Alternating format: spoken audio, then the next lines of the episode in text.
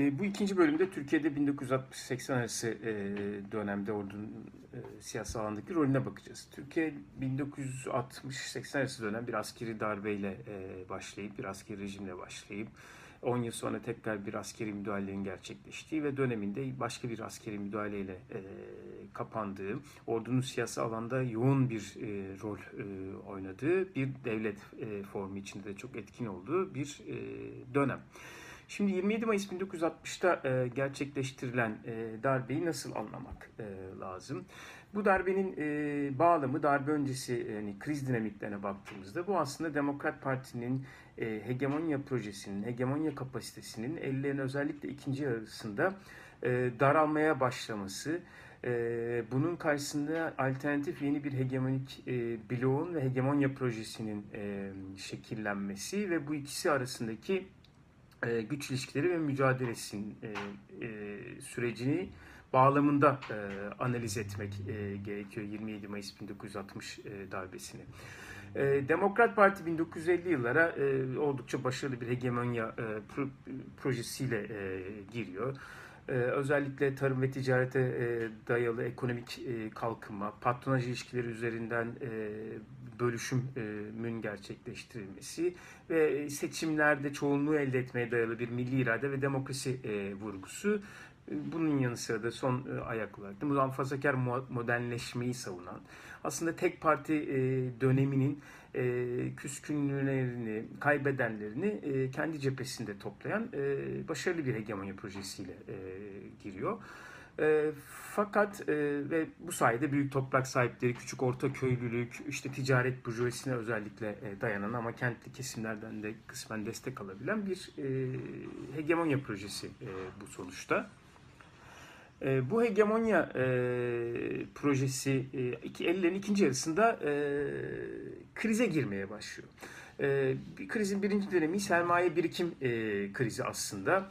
E, yani e, yavaş yavaş tarım ve ticarete dayalı e, büyümenin e, konjonktürün değişmesiyle e, tıkanması e, ve e, bunu yönetmek için işte enflasyonist politikalara e, başvurması e, plansız ekonomi politikalarıyla e, gitmesi özellikle ellerin ikinci yarısında sanayi burjuvası yavaş yavaş e, oluşmaya başlayan, daha doğrusu gelişmeye başlayan ithalatçı tüccarlar, ekonomi bürokrasinin önemli bir kısmı ve dönemin entelijansiyasından oluşan bir İtalyanci sanayileşmeyi talep eden bir koalisyonun ortaya çıktı çıkmasına yol açıyor. Bu da Demokrat Parti'den bir hoşnutsuzluğu beraberinde e, getiriyor.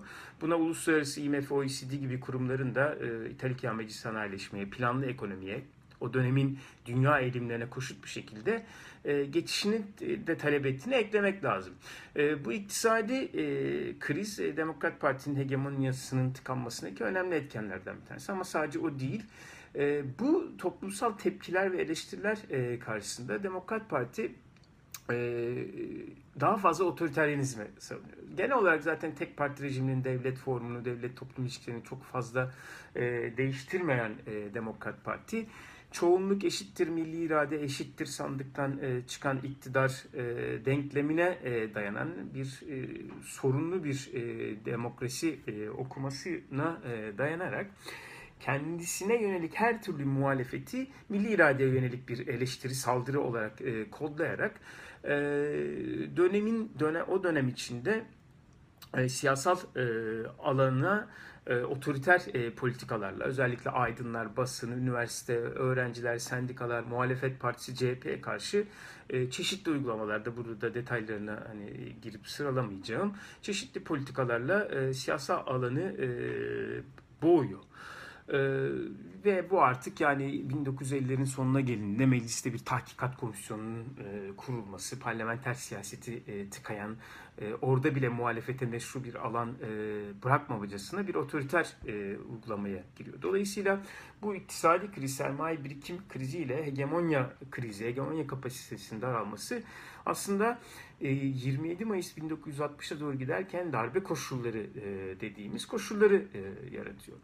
Fakat e, tabii yani da, bunun karşısında, bu kriz dinaminin karşısında aynı zamanda ellerin ikinci yarısında yeni bir hegemonya projesi çerçevesinde yeni bir hegemonik bloğun da yavaş yavaş şekillenmeye, e, mayalanmaya başladığını e, görüyoruz. Yani bu dönemin işte Forum dergisinde aydınların yaptıkları eleştiriler, öne, yeni önerilerine baktığımızda, işte e, Aralık 55'te Demokrat Parti'ne ayrılan Hürriyet Partisi'nin programlarına baktığımızda ve daha önemlisi özellikle CHP'nin 1900 yani 55'ten başlayan 57'den itibaren özellikle gitgide netleşen yeni bir ve 59'daki ilk hedefler beyannamesine açıkça e, e, unsur unsur e, saydıkları alternatif e, bir e, şey gelişiyor. Yani Demokrat Parti'nin e, hegemonya projesinin her bir sac ayağının, tıkanan sac ayaklarına alternatif e, bir yeni hegemonya projesi e, ortaya çıkıyor. Nedir bu hegemonya projesinin unsurları?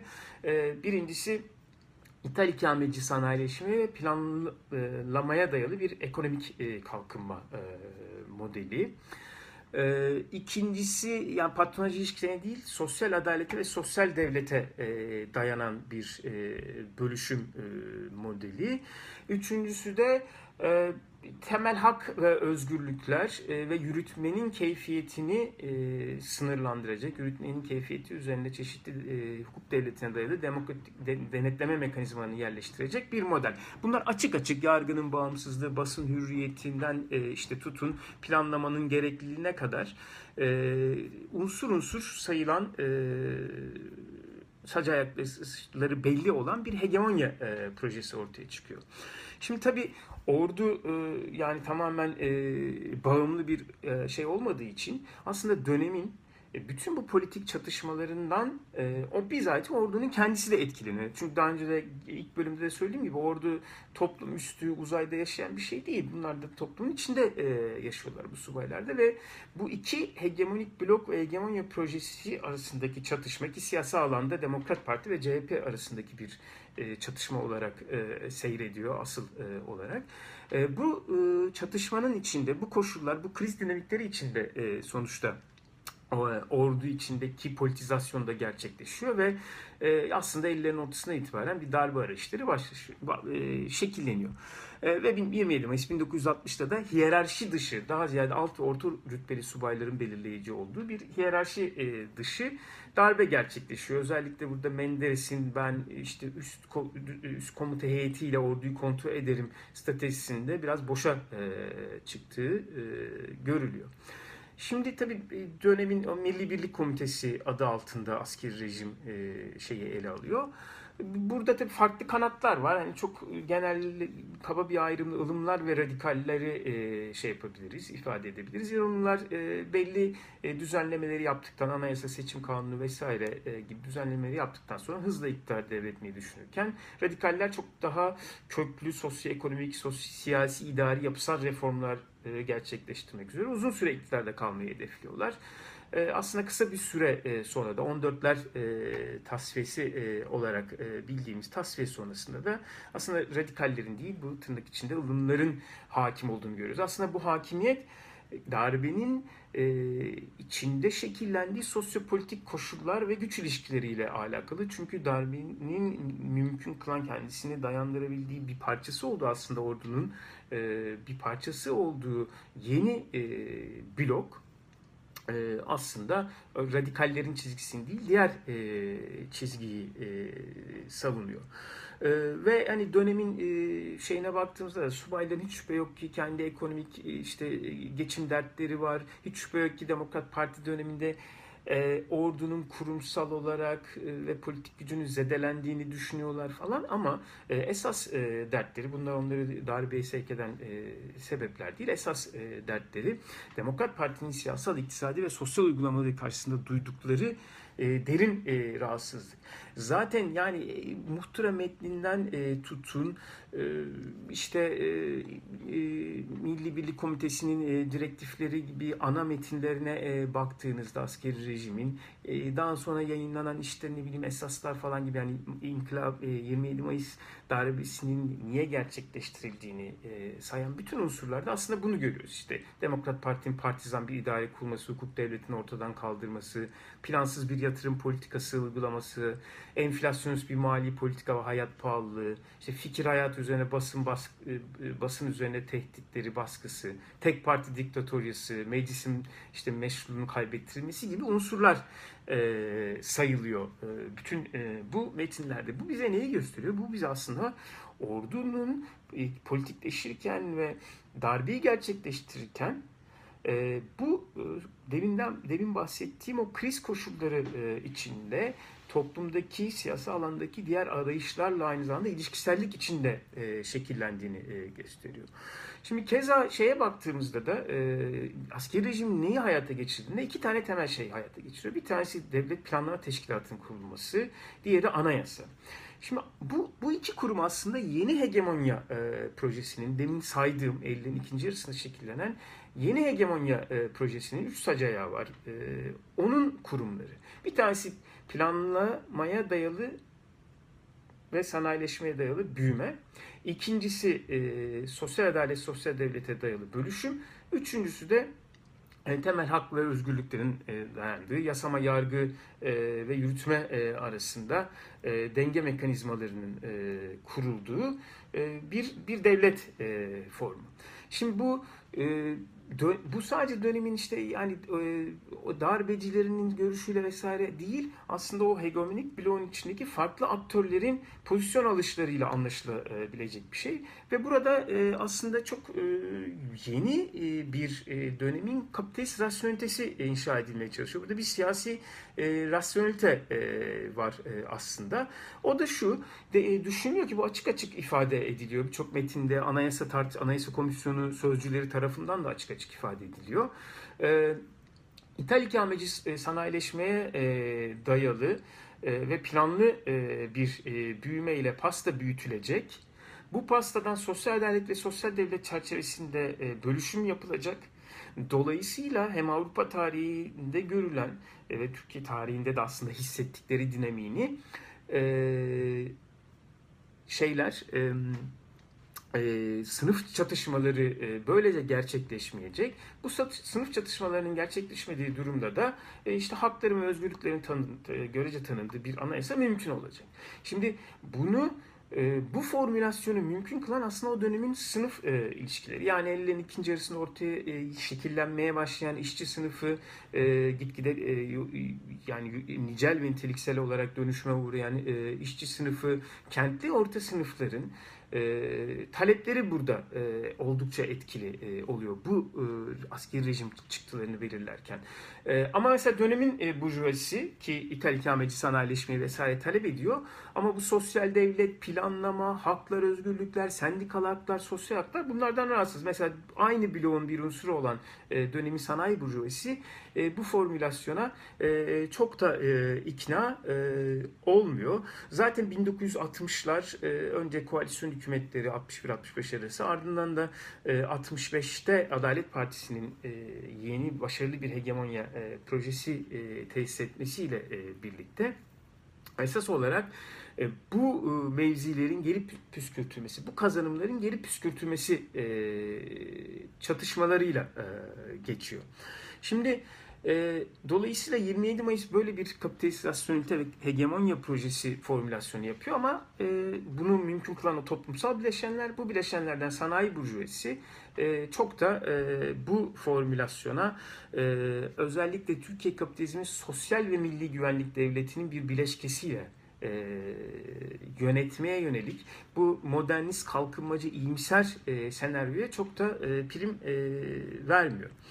E, 12 Mart'a giden 12 Mart 1971'deki e, darbe sürecine baktığımızda e, burada da gördüğümüz şey aslında e, 60'larda Adalet Partisi'nin temsil ettiği e, Demokrat Parti'nin hegemonya projesine benzeyen ama çok daha fazla sanayi burjuvesinin liderliğinde e, olan İtalik Yameci sanayileşmenin gereklerine, dönemin kapitalizminin gereklerine e, uyan bir işte merkez sağ hegemonya projesi 60'ların sonunda yavaş yavaş tıkanıyor ve Türkiye'de bir kriz ortamı oluşmaya başlıyor. Şimdi muhtıra öncesi kriz dinamiklerine baktığımızda E, burada çok e, farklı e, unsurları şey yapabiliriz, zikredebiliriz. Şimdi bu kriz dinamiklerinin bir tanesi Türkiye 1960'larda radikal sol toplumsal ve siyasi hareketlerin ivme kazanması yaşıyor. Yani işçiler, öğretmenler, aydınlar, üniversite gençliği, meslek sahibi orta sınıflar, e, bu dönemde siyasallaşıyorlar. Hak ve talep mücadeleleri içine giriyorlar. Daha radikal devrimci sol ideolojilerle buluşuyorlar. E, bu çizgide örgütlenmeler içinde yer alıyorlar. İşçi sınıfının mücadelesi dar ekonomik korporatif taleplerin ötesinde daha politik hegemonik e, talepler e, dile getirmeye başlıyor. İşte diskin kurulması, siyasi alanda tipin varlığı, e, işte öğretmenlerin tös içinde örgütlenmesi, köylü protestoları, üniversite gençliğinin yüksek öğretim ve genel ülke sorunları üzerinden hızla siyasallaşması, üniversite boykotları, işgalleri, anti-emperyalist eylemler, işçi grevlerinin ve mücadelesinin sertleşmesi. E, bu dönemde e, ve sol siyasal hareketlerin yavaş yavaş şekillenmeye başlaması, çok farklı farklı e, çizgileri olan hareketlerin e, bu dönemin e, iktidar bloğu açısından temel bir mesele haline geliyor ki bu da bizi krizin ikinci dinamiğine e, getiriyor. E, çünkü e, ikin, ikinci şey ikinci dinamik şu e, iktidar bloğunun tüm unsurları Türkiye'de bir yönetilemezlik e, krizi olduğunu söylüyor. Yani bu toplumsal bu toplumsal grupların siyasallaşmasının 1961 Anayasası'yla yönetilemeyeceğini söylüyor. Bunun e, ilk söyleyenlerden bir tanesi de zaten e, Demirel. E, Demirel Buhra'nın hakim karakteri ekonomik değil siyasi idi derken dikte veya faşizm yollarına başvurmadan devletin otoritesini tesis etmek gerekir derken, yasa düzen ve asayişi talep ederken hep bu yönetilemezlik tezini şey yapıyor. Aslında bu siyasallaşma karşısında, bu çeşitli toplumsal grupların siyasallaşması karşısında onları demokratik olarak içermek yerine onları otoriter olarak kontrol, e, otoriter yöntemlerle kontrol etmeyi tercih ediyor Adalet e, Partisi. Ama bunu bir darbeye veya faşizme, dikteye savrulmadan ben parlamenter sistem için hallederim. 1961 Anayasası'nda e, radikal değişiklikler e, yaparsak e, diyor. E, krizin e, üçüncü dinamiğini, e, bu okumayı da besleyen iktidar bloğunun içindeki çözülmeler. Bu çözülmeleri hem siyasal alanda görüyoruz. Örneğin e, MHP'nin e, kurulması 1969 Şubat'ında. Ardından Ocak 1970'te Milli Nizam Partisi'nin Erbakan tarafından kurulması ki Anadolu'daki esnaf, tüccar ve küçük sanayici ağırlıklı bir burjuvazinin e, temsilcisi e, olarak aslında e, yükseliyor, e, gerçekleşiyor Milli Nizam Partisi'nin kurulması. Yine e, Adalet Partisi içinden kopuşla Demokratik e, Parti'nin e, kurulması ki e, Demokratik Parti'de e, büyük orta ölçekli toprak sahiplerinin temsil kapasitesine e, sahip.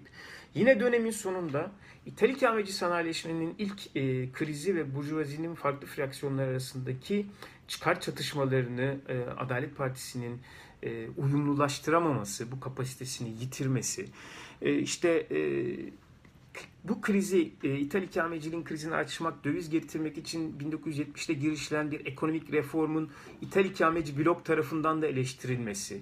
Yani örneğin dönemin TİSK Başkanı'nın hükümete güvensizlik hissi yarattığını e, söylemesi. Sanayi Odası Başkanı'nın e, işte sokak hareketleri, siyasi, iktisadi istikrarsızlıkların sanayicileri güvensizliğe sürüklediğini söylemesi e, iktidar bloğu içinde çözülmeleri hem sınıfsal e, düzeyde hem onun siyasal temsilcileri düzeyinde çözülmeleri beraberinde e, getiriyor. E, benzer e, ayrışmalar ordu içinde de e, var. Yani ordu içinde baktığımızda üç farklı eğilimi e, görebiliyoruz. Ordu içinde de e, bu farklı eğilimler Türkiye'nin yönetilemediğini e, düşünüyor. E, bu eğilimlerden hani bir, bir tanesi e, baktı ve o MGK toplantılarında da örneğin e, 1968'den itibaren bu iç güvenlik meseleleri sürekli gündemde. Öğrenci hareketleri, sol cereyanlar, işçi grevleri ve eylemleri sürekli olarak bunlar e, tartışılıyor. 12 Mart sürecine giderken de darbeyi öngören üç farklı akım var. Bir tanesi daha milliyetçi devrimci diyebileceğimiz işte Doğan Avcıoğlu'nun sol kendisini sol milliyetçi devrimci bir çizgi. Daha zinde güçlerle e, bir devletçi, milliyetçi, devrimci bir yol yapmak. Bir çeşit üçüncü yol iddiası kapitalizm e, dışı. Böyle bir e, çizgi var. Bu çizginin şey yaptığı, planladığı darbe 9 Mart'ta akamete uğratılıyor. İkincisi Muhsin Batur'un temsil ettiği 27 Mayısçı formülasyonu yeniden restore etmek isteyen çizgi. O modernist kalkınmacı iyimserliği. E, yani sosyal reformlarla yönetilebileceğini bu sınıfsal politik e, dinamiğin. Üçüncüsü ise Genelkurmay Başkanı Tamac'ın çizgisi gibi Adalet Partisi çizgisi aynı zamanda. Yasa, asayiş, düzen ve otoriterleşmeyi savunan e, çizgi e, işte toplumsal uyanış ekonomik gelişmeyi aşmıştır e, ifadesinde Tamac'ın kullandığı. İhtilal olur, sol olur, bu sefer 27 Mayıs değil 1917 olur. Bu anayasa ile memleket yönetilemez.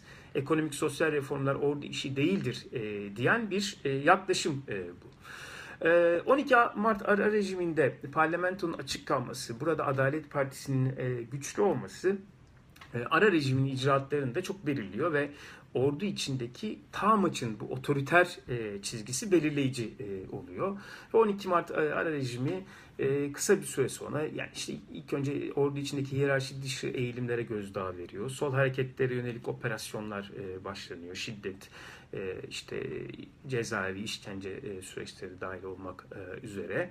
E, ekonomik alanda e, iktidar, ithal ikameci sanayileşme politikaları nın e, sağlanıyor. Özellikle yurt dışından gelen işçi dövizleri ve işçi ücretlerinin bu iki yıl boyunca e, bastırılması, sendikal faaliyetlerin er, e, engellenmesi sayesinde. Ve en önemlisi 71 ile 73 arasında gerçekleştirilen anayasa değişiklikleriyle 61 Anayasası'nın açmış olduğu siyasal alanı genişlettiği yani katılıma daha imkan tanıyan o alan kapatılıyor otoriter yöntemlerle. İşte basın ve ifade özgürlüğü, temel hak ve özgürlükler sınırlanıyor. Ee, doğal yargıç ilkesi bozuluyor. Yani yargının bağımsızlığı zedeleniyor. De, e, devlet güvenlik mahkemelerinin kurulması öngörülüyor. Ee, işte e, ne bileyim Anayasa Mahkemesi'nde iptal davası açabilmeleri tip gibi küçük partilerin engelleniyor. İşte kamu çalışanlarının sendik hakkı engelleniyor gibi çeşitli düzenlemeler içinde e, bu siyasal alan üzerinde otoriter bir kapanma e, gerçekleştiriliyor ve devletin kurumsal mimarisi içinde de ordunun gücü de artırılıyor. Zaten 1961 Anayasası ile MGK bir anayasa kurum haline e, getirilmişken şimdi e, hem hiyerarşi dışı eğilimleri gerçek e, engellemek üzere hem de orduyu kurumsal mimari içinde daha etkin e, kılmak üzere sıkı yönetimi ilan gerekçeleri arttırılıyor. Askeri Yüksek İdare Mahkemesi kuruluyor ki ordu kendi içindeki iç disiplini bağımsız askeri bir yargı eliyle yürütebilsin diye. Terfi ve atamaları gerçekleştiren Yüksek Askeri Şura ordu mensuplarının kontrolüne e, yeniden tarif ediliyor. E, Kemalizmin farklı 60'larda gelişen farklı sol ideolojilerle de eklemlenebilen yorumlarının karşısına daha resmi bir Atatürkçülük tarif edilmeye başlanıyor ve bir eğitim olarak ordu içinde veriliyor. 27 e, Mayıs darbesinden sonra kurulan OYAK yani ben benim ordunun holdingi dediğim uzun yıllarda çalıştığım OYAK çeşitli yatırımları NEMA olarak subaylara dağıtarak aslında e, Türkiye'deki subayların orta sınıf yaşama ve kapitalist ekonomik sisteme dahil edilmesinde önemli bir e, işlev e, görüyor. Ve tüm bu düzeltmeler ve tüm bu düzenlemelerle 12 Mart aslında e, bürokratik e, otoriter e, bir e, darbe olarak tarihe geçiyor. 27 Mayıs'ın o iyimserci yani görece planlama, kalkınma, e, bölüşüm, pastanın dağıtılması ve bunun altında e, sınıfsal çatışmaların yönetilebilmesi sayesinde hakların ve özgürlüklerin mümkün olabileceği modelden e, o e, sınıfın, işçi sınıfının sosyal ve politik hareketliliği karşısında ve farklı toplumsal kesimlerin siyasal alanı kapatan, devletin kurumsal mimarisini daha otoriter e, kılan e, bir modeli e, yerleştiriyor. 12 Eylül ise aslında biraz daha 80'lerin hikayesi olacak olan 12 Eylül ise bizi bambaşka bir döneme taşıyacak. Onu ise bir sonraki bölümde ele alacağım.